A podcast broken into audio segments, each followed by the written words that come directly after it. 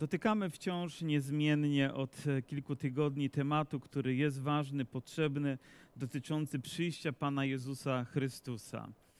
Pomyślałem sobie dzisiaj, że usłyszałem tak wiele kazań mówiących o przyjściu Pana Jezusa, że do tej pory powinien już przyjść 10 razy. Tak przynajmniej 10 razy, a przynajmniej wszyscy tak uważali, że będzie, a Pana Jezusa wciąż nie ma. Wciąż oczekujemy. I myślę, że właśnie w takim miejscu też był zbór w Tesaloniczan, gdy pytał, gdy pisał Paweł ten list do, do, do tego zboru, że oni tak oczekiwali, oczekiwali i Pana Jezusa nie było tak nagle, tak szybko, jak oni się spodziewali i to wzbudzało gdzieś pewne napięcia i być może nas zaczęły się wkradać jakieś nauki, może jakieś zniechęcenie i dlatego ten list powstał, aby pewne rzeczy, nie wiem, czy napomnieć, czy usystematyzować, czy wyjaśnić. Bo w kwestii mówienia o czasach ostatecznych, o powtórnym przyjściu Chrystusa, to bardziej powinniśmy w rękach mieć Biblię niż kalendarz. Tak, żeby patrzeć w Boże Słowo, a nie to, żeby planować, czy wtedy, czy w innym czasie. Bo i wtedy Kościół również słyszał wieści wojenne, wydarzały się tragedie na ziemi, a jednak w tym czasie Pan Jezus nie przyszedł. Ale to, do czego na pewno to słowo nas obliguje, to jego treść. To to, co Bóg chciał zostawić nie tylko zborowi w Tesaloniczan, ale również i nam, abyśmy byli dobrze na ten dzień przygotowani, bo jedno jest pewne, ten dzień nadejdzie.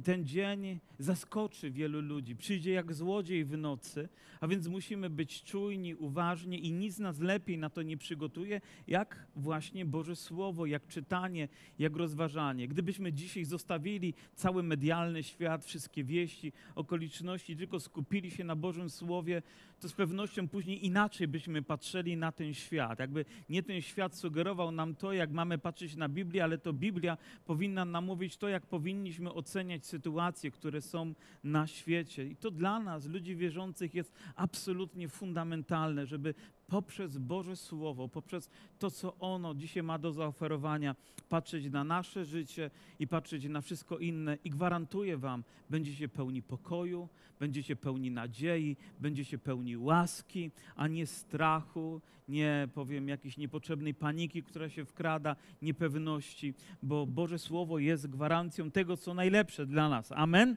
Ale rozpoczyna się ten list nie od tego, że wyznacza datę i miejsce, bo wiemy, gdzie Pan Jezus przyjdzie, to, to za, rozpoczyna się czwarty rozdział od napominania. I mówi tak, a poza tym, bracia, prosimy Was i napominamy w Panu Jezusie, abyście stosownie do otrzymanego od nas pouczenia, jakie macie postępować i podobać się Bogu, jak zresztą postępujecie, abyście tym bardziej obfitowali. A więc jest coś, w zborze, co trzeba wyprostować, co trzeba doprecyzować, albo w czym trzeba napomnieć. A więc wygląda na to, że nic się nie zmieniło, że również dzisiaj Kościół potrzebuje napomnienia, choć nie lubimy być napominani. To jest naprawdę trudne przyjmować napomnienie. Pochwały, proszę bardzo. Natomiast jeżeli ktoś zwraca uwagę ci na jakiś aspekt twojego życia, który no niekoniecznie chcesz zmienić, to nie jest rzeczą łatwą przyjąć. Mam nadzieję, że słowa apostoła Pawła padały na grunt serc ludzi, którzy byli gotowi na zmianę i też ufali apostołowi Pawłowi, wiedzieli, ile miłości ma do nich, więc o wiele łatwiej im było to przyjąć. Ale zwróćcie uwagę, że w tym napominaniu, później ono będzie bardziej sprecyzowane, mówi: napominamy w Panu Jezusie napominamy w Panu Jezusie.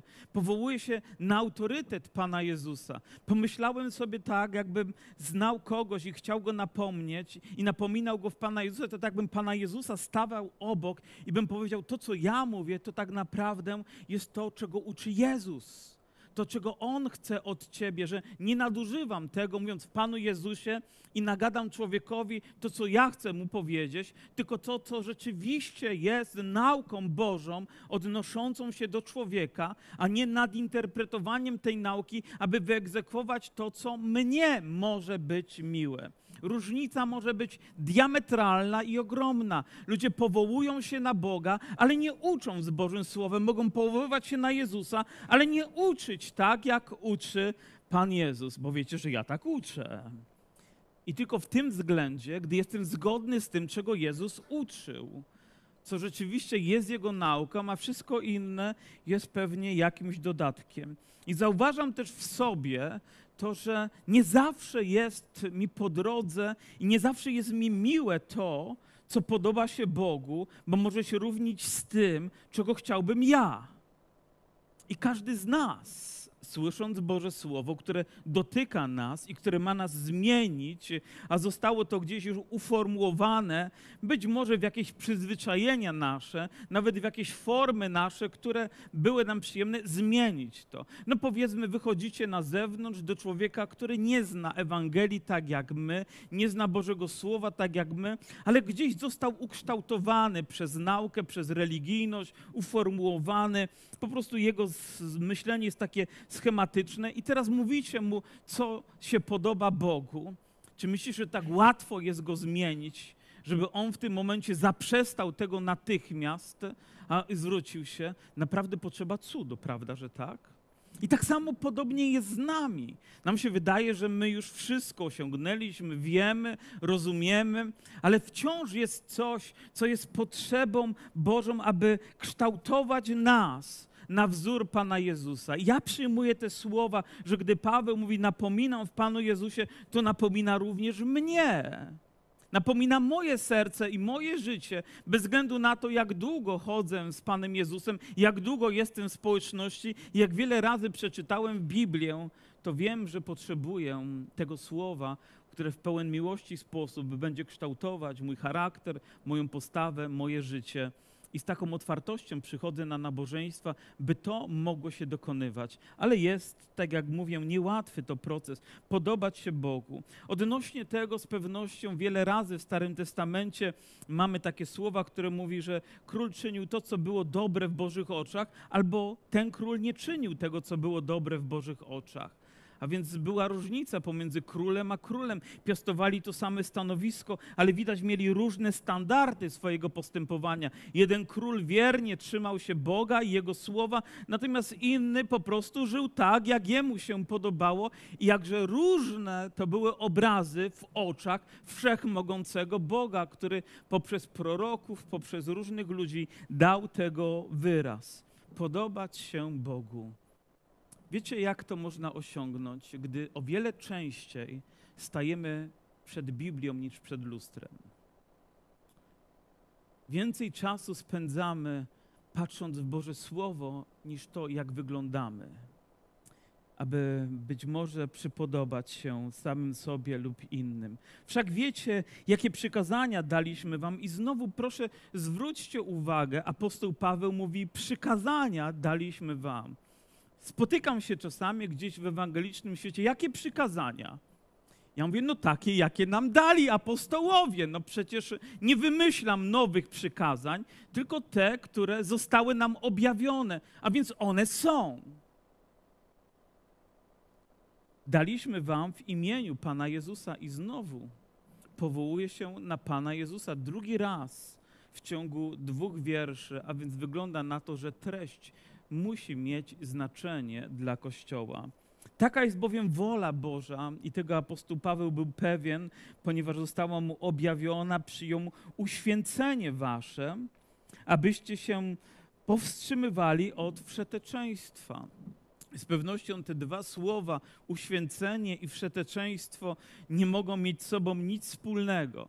To znaczy, że jedno wyklucza drugie. Albo żyjesz w świętości, albo w niej nie żyjesz albo dążysz do tego, bo słowo uświęcenie nie oznacza tylko, że raz zostaliśmy zaprogramowani do świętości, co z pewnością Bóg zrobił, ale codziennie trwamy w niej, codziennie respektujemy Boże Słowo i powstrzymujemy nasze ciało od przekraczania pewnych granic, które stają się ujmą dla nas. Słowo wszeteczeństwo w tamtym czasie mogło być również określane jako pewnie, pewnie, nie wiem, kultowa niemoralność, czyli chodzenie za innymi bogami, ale też może dotyczyć się do naszego aspektu fizycznego, kiedy po prostu w naszej seksualności rozpędzamy się tam, gdzie nigdy nie powinniśmy dojść, a później ponosimy tego bolesne i tragiczne skutki w naszym życiu. Aby każdy z Was umiał utrzymać swe ciało w czystości i w poszanowaniu umiał, to znaczy, że nauczył się, wykształtował to, wyćwiczył niemalże, że gdy przychodzi pokusa, zwłaszcza ta fizyczna,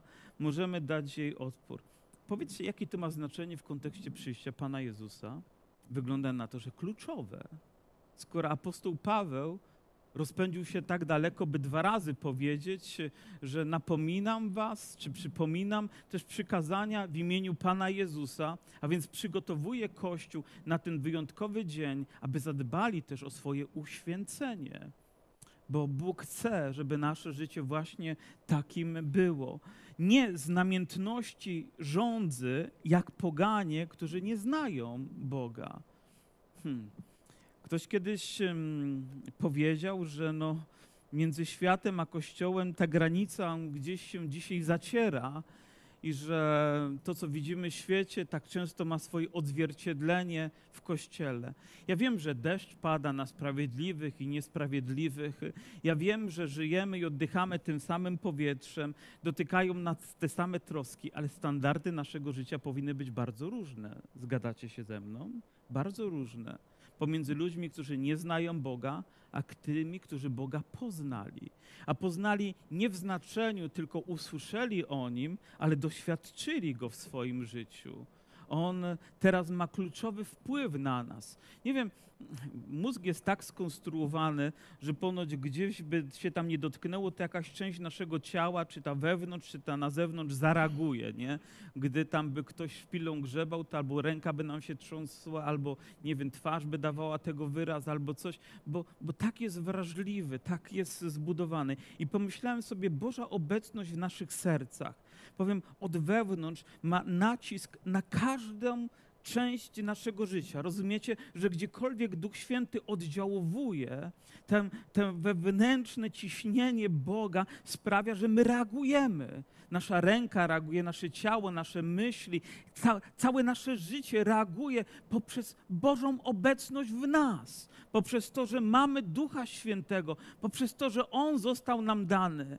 A gdy są jakieś puste przestrzenie, no to, no to nie będzie reakcji, tak? Jeżeli jest tylko to, nie wiem, ograniczone do jakiejś części naszego życia, no to tylko jakaś drobna część naszego życia będzie reagować na Boże Słowo albo będzie podporządkowana, ale Duch Święty chce całkowicie nas wypełnić, a więc chce, żebyśmy całym naszym życiem reagowali, nawet mrugając, nawet śpiewając pieśni, idąc drogą, radując się w Panu. Może tak jak ten Etiopczyk, który spotkał Pana poprzez to, że zwiastowana była mu Ewangelia, a później jadąc drogą radował się, bo Duch Święty oddziaływał na niego. Czy to nie jest cudowne?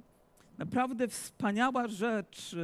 Mówi, nie jak poganie, aby nikt nie dopuszczał się wykroczenia i nie oczekiwał w jakikolwiek sprawie, nie oszukiwał w jakiejkolwiek sprawie swojego brata, gdyż Pan jest, hmm, gdyż Pan jest, no, i to nie jest Stary Testament, mścicielem. Tego wszystkiego, jak to wam zapowiadaliśmy i zaświadczaliśmy, nie Pan był, a teraz nie jest, ale On wciąż jest niezmiennie tym samym Bogiem. Zauważacie to wraz ze mną, że człowiek, który odstępuje od Boga, będzie ponosił tego konsekwencje. Nie chcę nadużywać absolutnie tego słowa, tylko stwierdzam pewien fakt, który został nam przez apostoła Pawła objawiony i z którym my musimy się zmierzyć. Nawet jeżeli jest to nam niewygodne, ale taka jest prawda, zaświadczają o tym, albowiem nie powołał nas Bóg do nieczystości, ale do uświęcenia. I znowu pojawia się to słowo uświęcenie, uświęcenie. No dość mamy. Ale wiecie, nic nam nie da tyle radości, jak życie w uświęceniu. Naprawdę jak życie z Bogiem, w relacji z Nim, w bliskości. Nic nie przyniesie tyle pokoju. Takim obrazem może być to, jak Saul wysyłał tych wszystkich ludzi, którzy chcieli skrzywdzić Dawida, ale on był w Bożej obecności razem z prorokami i ktokolwiek się znalazł w tej świętości, to nie mógł nic złego zrobić.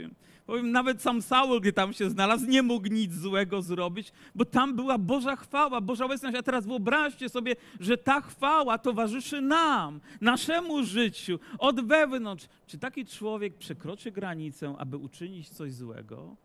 Myślę, że tak nie powinno być nawet dopuszczone do naszego myślenia, a co dopiero, bo to jest tak niezwykłe mieć Boga w swoim życiu, mieć Jego ducha w swoim sercu, to też kto odrzuca to, odrzuca nie człowieka, lecz Boga. Innymi słowy, może Paweł mówi, tak, możecie zlekceważyć mnie, ale tak naprawdę odrzucacie naukę Bożą. A więc wycinając ten fragment albo wycinając jaką część Biblii, wyrzucamy coś, co jest zbawienne dla nas, co jest tak cenne, które nam też daje Ducha swego Świętego. Więc jeżeli odrzucamy Boga, to odrzucamy też możliwość bycia napełnionym Duchem Świętym. Jeżeli odrzucamy te nauki, które przekazywał nam też Paweł, to nie możemy powiedzieć, no on mówił swoje, a ja chodzę w Duchu Świętym, bo te dwie rzeczy nie są zgodne ze sobą. Jeżeli chodzisz w Duchu Świętym, to chodzisz również w nauczaniu apostolskim. Chodzisz zgodnie z tym, co zostało nam objawione w Jego świętym słowie. A o miłości braterskiej nie potrzeba wam pisać. Znał nas apostoł Paweł, wiedział, że my to się miłujemy, aleluja. Jesteśmy bliscy sobie, jesteście sami, jesteście sami przez Boga pouczeni, że należy się nawzajem miłować. Nieraz wszyscy mówią, a najważniejsza jest miłość. Tak, ona jest, ale do niej też trzeba dochodzić. To nie jest tak, że nawet od tego zaczyna, ale to przypomina nam, by nigdy tego nie zabrakło, bo wszystkie inne rzeczy przestaną mieć znaczenie. To zresztą czynicie względem wszystkich braci w całej Macedonii. My zaś napominamy was, bracia, żebyście tym bardziej obfitowali i gorliwie się starali prowadzić żywot cichy, pełnić swe obowiązki, pracować własnymi rękami, jak wam przykazaliśmy, tak abyście wobec tych, którzy są poza zborem, uczciwie postępowali i na niczyją pomoc nie, nie byli zdani. Wiem, przez lata modliłem się o to, żebyśmy jako zbór, powiem, mogli funkcjonować tak, żeby nie brakowało nam na bieżące wydatki, rzeczy, rachunki, ewangelizację. I wiecie, modliłem się, zabiegałem o to przed Panem i Pan nam dał taką możliwość. Mówię to z całą pokorą, że wasze zaangażowanie serca, wasza ofiarność sprawia, że możemy funkcjonować. Naprawdę przykładacie do tego swoje ręce i serce i mamy w tym udział, że nie jesteśmy nikomu nic winni oprócz miłości braterskiej. I chwała Bogu za to, że możemy się tym cieszyć, a mało tego, możemy nieść pomoc nawet innym. Co codziennie mamy tutaj 12 osób, o które staramy się też troszczyć, płacić za nich rachunki, ponieważ znaleźli się w trudnej sytuacji. W innym miejscu mamy 22 osoby i też staramy się ich wspomagać. Gdzie indziej jeszcze jest tam parę osób. Powiem, wiecie dlaczego? Bo zbór powinien mieć duże serce. Kiedyś, no nie mogę się rozpędzić za daleko, ale usłyszałem o potrzebie poza zborem jakiejś e, rodziny, która znalazła się w trudnościach i o tym, że była pod, może powiem, urzędniczą władzą i te procedury uzyskania tam, nie wiem, paru złotych, żeby buty kupić czy jakieś, jakąś drobną rzecz, to są naprawdę trudne sprawy.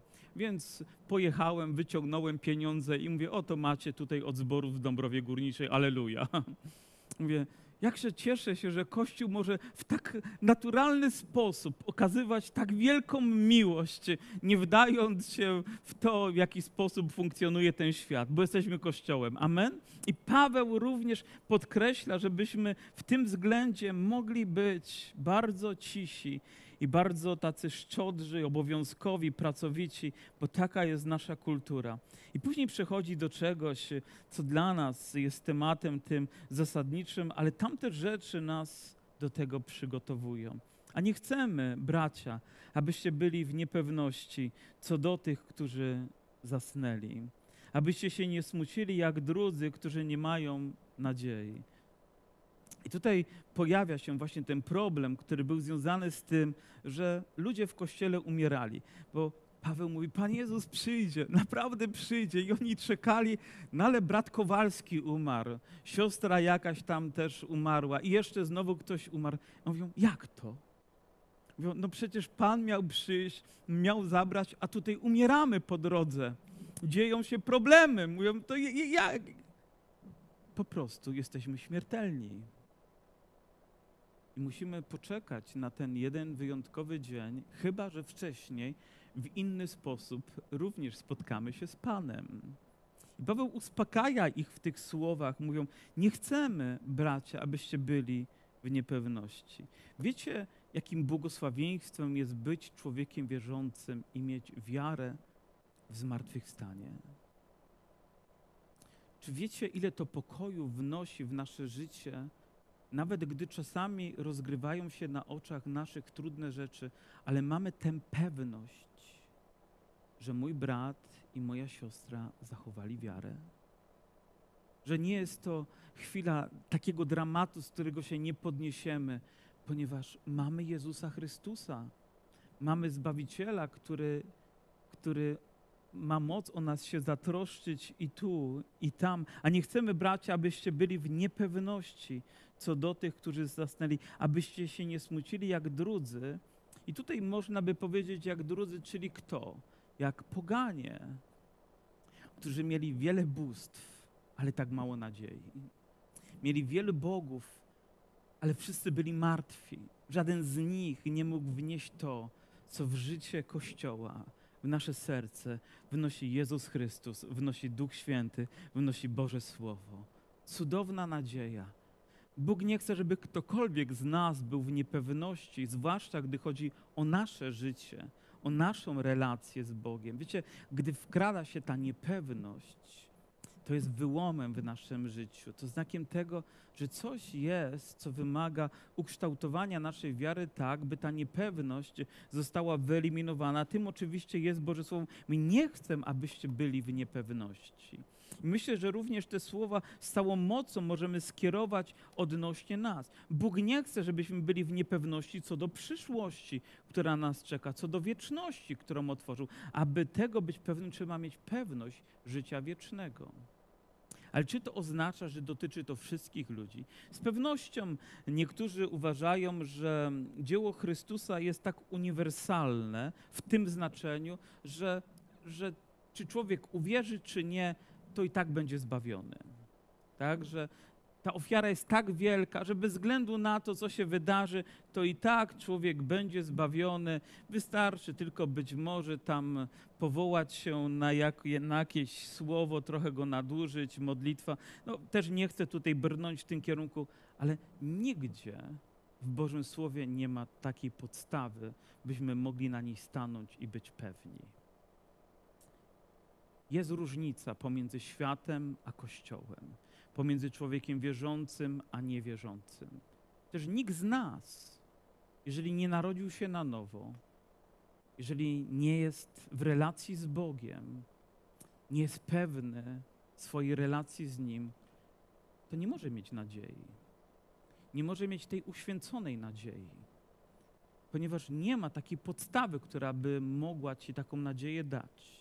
Tylko ten moment, ten fakt, że coś Bożego, pewnego cudu dokonuje się w tobie. Tak jak z Nikodemem, który przyszedł w nocy do Pana Jezusa, oczywiście z ogromną potrzebą swojego życia, choć wszystko wiedział na temat Biblii, przynajmniej Starego Testamentu, i wydawało mu się, że religijnie też jest poukładany. Ludzie go szanowali, kłaniali mu się. Na koncie być może miał odłożoną niezłą sumę na emeryturę ale jego serce potrzebowało czegoś znacznie więcej narodzenia się na nowo, która dałaby mu pewność ujrzenia Bożego Królestwa. Ale on nie był tego pewien, dlatego przyszedł do Jezusa. Dlatego to było tak ogromną potrzebą w nim. A więc nie ma czegoś takiego jak uniwersalne zbawienie. Biblia mówi nam o zbawieniu tych, którzy narodzili się na nowo jeżeli narodziłeś się na nowo, możesz powiedzieć: Aleluja! Spotkam się z moim Panem. Ale jeżeli nie narodziłeś się na nowo, to możesz, może powinieneś powiedzieć: Biada mi. Naprawdę biada mi. Jaki byłby sens ewangelizowania ludzi, gdyby nowonarodzenie nie miało znaczenia? Jaki byłby sens docierania do każdego zakamarka świata, gdyby nie potrzebowali Ewangelii? No skoro będą zbawieni, to co będziemy się tam trudzić, pieniądze tracić i czas? To tylko będzie kwestia czasu. Ale wygląda na to, że ta linia nie przebiega tylko gdzieś na zewnątrz. Ona może przebiegać też wewnątrz Kościoła poprzez naszą relację z Bogiem albo jej brak. Albowiem jak wierzymy, że Jezus umarł i zmartwychwstał, tak też wierzymy, że Bóg przez Jezusa przywiedzie z nim tych, którzy zasnęli. Dwa razy tutaj pojawia się słowo zasnęli, zasnęli, a więc to jest takie bardzo łagodne określenie, gdy człowiek odchodzi z tego świata, gdy jego serce uderza po raz kolejny, ale mówimy, albowiem jak wierzymy, jak wierzysz, ma znaczenie co do Twojej pewności i nadziei. A Słowo Boże mówi, jak wierzymy, że Jezus umarł i zmartwychwstał. I znowu powracamy do tego, co jest fundamentem Ewangelii. Wierzymy, że Jezus umarł, ale też wierzymy całym sercem, że On zmartwychwstał. I gdy mówimy, że On umarł, to mamy pewność, że Jego ofiara jest wystarczająca, by obmyć nas z naszych grzechów, a gdy wierzymy, że On zmartwychwstał, to Jego moc zmartwychwstania wzbudza nas do nowego życia. Byliśmy umarli, ale teraz On wzbudza nas, abyśmy mogli razem z Nim żyć. I to buduje pewność. To jest Ewangelia. Jeżeli słyszycie Ewangelię, która jest pozbawiona tych dwóch faktów, niezwykle ważnych dla nas, to już nie jest pełna Ewangelia.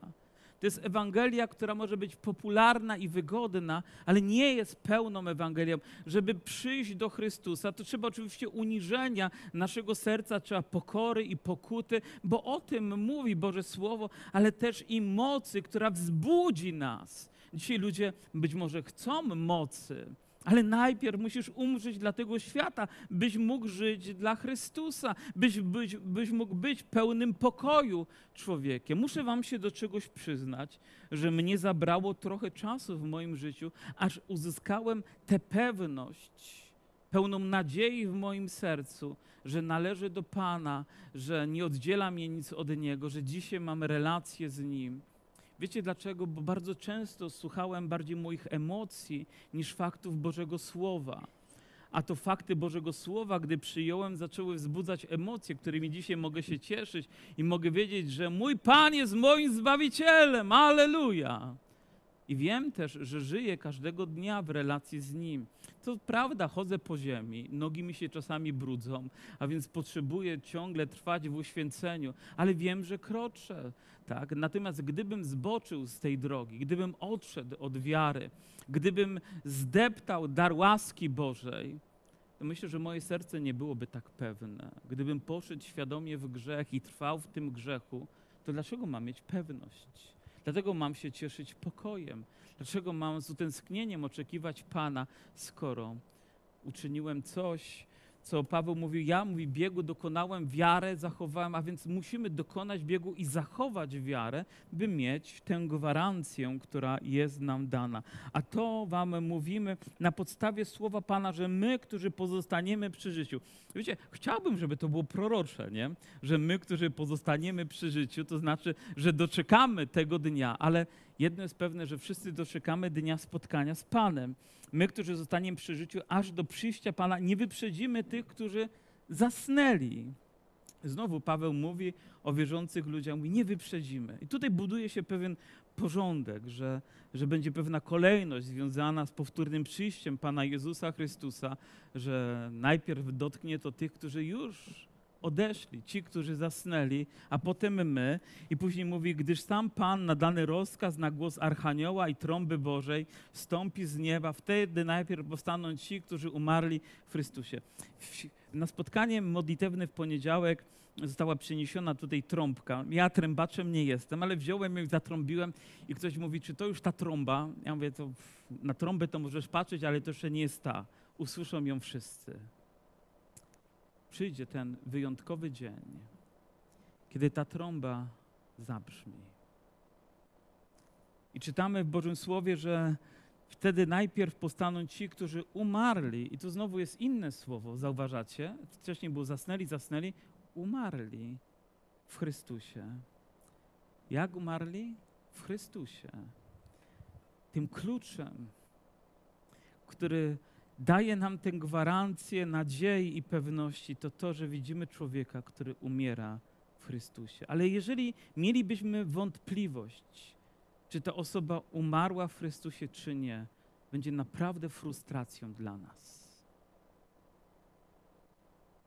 Nigdy do końca nie będzie postawiona gdzieś ta kropka, nigdy nie będzie do końca tej jasności, tej transparentności. Ten, możemy, no, no, mieliśmy nadzieję, że w ostatnim momencie no, ta osoba pojednała się z Panem, że gdzieś w tej ostatniej chwili westchnęła do Boga, ale dopóki nie słyszymy tego i nie jesteśmy świadkami tego, to jest pewien domysł z naszej strony. Dlatego tak ważną rzeczą dla nas jest byśmy wierności Bożemu Słowu, w posłuszeństwu temu, co Pan od nas oczekuje, okazali to, wyrazili to całym naszym sercem. Biblia mówi, kto uwierzy w sercu i wyzna ustami, będzie. A ktoś mówi, ale to jest moja wewnętrzna sprawa. Ja nie wiem, czy to jest Twoja wewnętrzna sprawa. Ja wiem, co to jest biblijna sprawa. Ja wiem, co Biblia uczy na ten temat, że ona mówi, mam uwierzyć, ale też powinienem mieć odwagę, aby wobec wielu świadków w zgromadzeniu Bożym, w kościele Pana Jezusa, wyznać, że Jezus jest Panem, wyznać przed tym światem. A teraz wyobraźcie sobie taką oto sytuację, że ktoś no, przychodzi na ewangelizację, jest wielkie poruszenie rzeczywiście jego serce zostało dotknięte też i świadectwami, Bożym Słowem i muzyką wspaniałą. Wychodzi do modlitwy, podchodzi do niego duszpasterz, modli się razem z tą osobą, modlitwą grzesznika o przyjęcie Pana Jezusa. No i później ta osoba odchodzi i wraca do kolegów. I koledzy gdzieś tam, przyjaciele, znajomi mówią, ty, ty tam byłeś? I tak patrzą na niego z trochę z góry, wiecie, ta tonacja głosu nawet sugeruje, jak, jak to, no chyba, chyba nie będziesz się wygłupiać i nie będziesz chodzić na takie rzeczy. I on wtedy zaczyna się wycofywać. No wiecie, ja tam byłem tylko, żeby zobaczyć, jak jest, ale to mnie w ogóle nie interesuje. To nie, nie jest dla mnie, to nie ma żadnego znaczenia. To po prostu jakieś trochę tam pograli, to on coś tam pogadał, ten kaznodzieja, trochę ludzi wyszło na środek. Czy w związku z tym ta osoba może mieć pewność? Pewność miałaby wtedy, gdyby powiedziała, wiecie co, coś wyjątkowego wydarzyło się w moim życiu. Wiecie, już więcej z wami na wódę nie pójdę. Powiem, ani nawet papierosa nie zapalę. Mam nadzieję, że już nigdy nie usłyszycie przekleństwa z moich ust, bo od tej pory Jezus Chrystus jest tym, który naciska na moje serce. O, chciałbym słyszeć takie wyznania, bo wtedy widzę brata, który miał odwagę uwierzyć i wyznać. Widzę, że on jest w Chrystusie i za chwileczkę nie wiem, jak długo jego dni będą, ale może być odwołany do Pana. Wiecie, z całą pewnością zaświadczyłbym, wiem, że ta osoba dzisiaj może oczekiwać nadziei, zmartwychwstania w Chrystusie, spotkania z Bogiem z podniesioną głową, bo uwierzyła, bo zasnęła w Chrystusie, bo dała Mu swoje życie. Potem my, którzy pozostaniemy przy życiu razem z Nim, porwani będziemy w obłokach, w powietrze na spotkanie z Panem i tak zawsze będziemy z Panem. Tutaj pojawia się termin teologiczny, który nazywa się paruzja, pochwycenie Kościoła. Nie wiemy, w którym momencie to będzie, ale znowu mamy gwarancję, że to będzie. A więc nie tylko tak, że Pan Jezus przyjdzie, ale najpierw On wezwie nas na obłoki, abyśmy mogli tam razem z Nim się spotkać, a później razem z Nim przyjść i być tutaj przez tysiąc lat razem z naszym Zbawicielem w tysiącletnim Królestwie. Ja tak wierzę.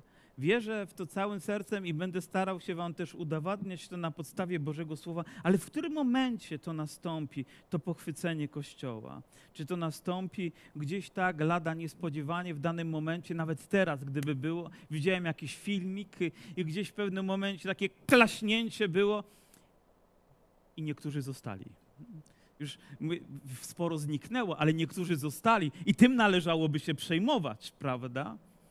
Czy też najpierw będzie coś, czego my będziemy świadkami, będzie antychryst, który zapanuje nad światem. Że dzisiaj mamy taką sytuację straszną na świecie i wyobraźcie sobie, że pojawia się jakiś cudotwórca, który sprawia, że następuje pokój.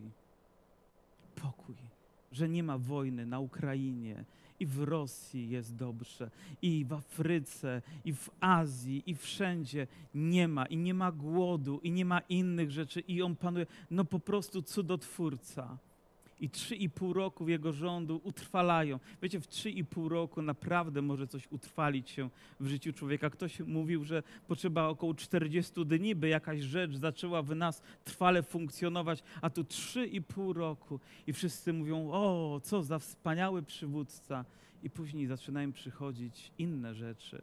Zaczyna wzywać ludzi do oddawania mu czci, zaczyna prześladować y, ludzi wierzących, zaczynają się na oczach ludzi rozgrywać tragedie, ale w związku z tym, że był tak wspaniały, to ludzie przysklaskują, mówi tak, zrób z nimi porządek, bo przez nich nie będziemy mogli się cieszyć wolnością albo innymi rzeczami i znajdzie z pewnością argumenty i nawet y, zaczną się dziać ponad nadzwyczajne rzeczy. Do kiedy Pan pozwoli, żebyśmy w tych trudnych rzeczach uczestniczyli, nie wiemy. Ale przyjdzie dzień, kiedy On powie dość, koniec. I wezwie nas. Dwóch będzie na roli i jednej nie będzie nagle. Dwóch będzie na łożu, to znaczy, że to może być małżeństwo. Tak myślę. I jeden będzie zabrany, mąż się budzi i mówi, gdzie ta kobieta poszła?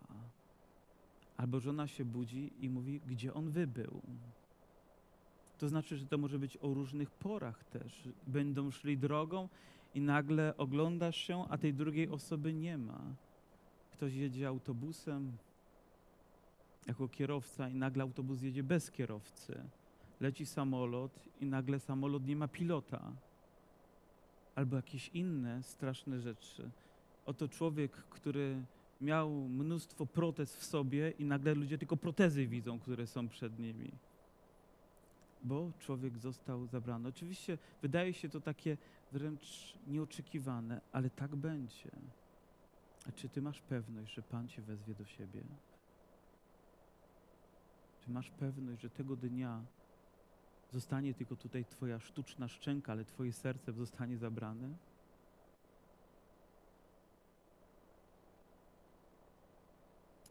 Ponieważ Jemu tak bardzo na tym zależy. Dlatego wysyła te wszystkie słowa do naszego serca, by pobudzić naszą wiarę, by zachęcić nas do wierności, do wytrwałej wierze, byśmy jej nie lekceważyli. Czy masz gwarancję powrotu do domu? Wiecie, w minionym tygodniu musiałem pilnie pojechać do Wisły, tam do tych naszych braci z Ukrainy, żeby pomóc. I jadę samochodem i naprawdę miałem bardzo trudną rozmowę przed sobą, bardzo trudną, więc byłem też emocjonalnie obciążony. I nagle e, pewna pani wyjechała mi w poprzek dwupasmowej drogi, możecie sobie wyobrazić, a ja pędzę około 100 km na godzinę. Nie przesadzałem, ale 100 kilometrów i za, oczywiście natychmiast nacisnąłem na hamulec, ale widzę, jak się do niej zbliżam i mówię, no nic, rąbnę, tylko zastanawiam się gdzie. I wiecie, że zatrzymałem się gdzieś tak, nie wiem, 5 mm przed tym samochodem, on tam pojechał sobie dalej, nawet nie miałem ochoty oczywiście tam czy jechać, czy w jakikolwiek sposób odgrywać się na tej kobiecie, bo to nie o to chodzi, ale tak na, nagle zrewidowałem swoje serce. Ludzie czasami w takich momentach drżą. Powiem serce, że muszą, bije tak mocno, że muszą wyjść z samochodu, żeby zacząć oddychać. A ja jak nóweczka, nic się nie stało. Po prostu jakbym całe życie hamował tylko na drodze w takich sytuacjach, nic nie robił. I mówię, mógł, mógł być to być koniec. Ale ja wam coś powiem, to nie byłby mój koniec. To nie byłby mój koniec. Wy może byście jakiś fajny wieniec przynieśli i zaśpiewali kilka fajnych pieśni. Kaznodzieja by się napocił, żeby coś dobrego o mnie powiedzieć, ale to nie byłby mój koniec bo ja wiem, do kogo należy moje życie. Ja wiem, że mój Pan czeka na mnie, a ja czekam na Niego, ponieważ mam te gwarancje w moim sercu, w Chrystusie. Dlatego taką moją troską jest, aby moje dzieci żyły w Chrystusie. Modlę się o to. Taką troską jest, abyś Ty żył w Chrystusie, bo nie ma nic piękniejszego dla Twojego życia niż żyć w Chrystusie, oczekując tej wspaniałej nadziei jego powrotu i to, że będziemy razem z Nim. Ten termin paruzja również odnosił się do pewnej rzeczy, która miała miejsce w tamtych czasach, że oto gdy zbliżał się jakiś monarcha do jakiegoś miasta, wiecie, wtedy to były takie miasta państwa, to bramy się otwierały i świta wyjeżdżała na jego spotkanie, aby go powitać gdzieś daleko poza murami, a później go wprowadzić do miasta, ponieważ to jest monarcha. I to nazywano paruzją. my wyjdziemy na spotkanie naszego Pana. Dlaczego? Bo Go wypatrujemy, bo Go oczekujemy, aby Go wprowadzić, a On nas wezwie do siebie i będziemy razem z Nim tysiąc lat panować. Tysiąc lat. Tysiąc lat. Nie będzie głodu, nie będzie chorób, nie będzie niczego, co dzisiaj jest tragedią dla ludzkości. Nie będzie wojen. Przekują miecze na lemiesze, bo nasz Pan będzie, jak młodzi mówią, rządzić. Aleluja. Chwała Mu za to. Dobry jest nasz Pan. Jeszcze na koniec, tak zawsze będziemy z Panem. Już nigdy nie rozłączymy się. Spotkamy tam naszych braci w Chrystusie i zawsze będziemy z Nim. Może Twoje dziecko jest po drugiej stronie. Może Twój mąż, może Twoja żona, która odeszła w Panu, jest po drugiej stronie. Przeto zobaczcie, jakie piękne słowo. Pocieszajcie się nawzajem tymi słowy. Jakże bym chciał, żeby to, co czytaliśmy, to, co rozważaliśmy, choć trochę było pociechą dla Was, zachętą dla Was, trwaniem w Chrystusie, trwaniem w wierze, bo oczekujemy wspaniałego Zbawiciela. Pocieszajcie się tymi słowy. Pocieszajcie się. Niech Was Pan błogosławi. Powstańmy, uwielbimy Jego imię.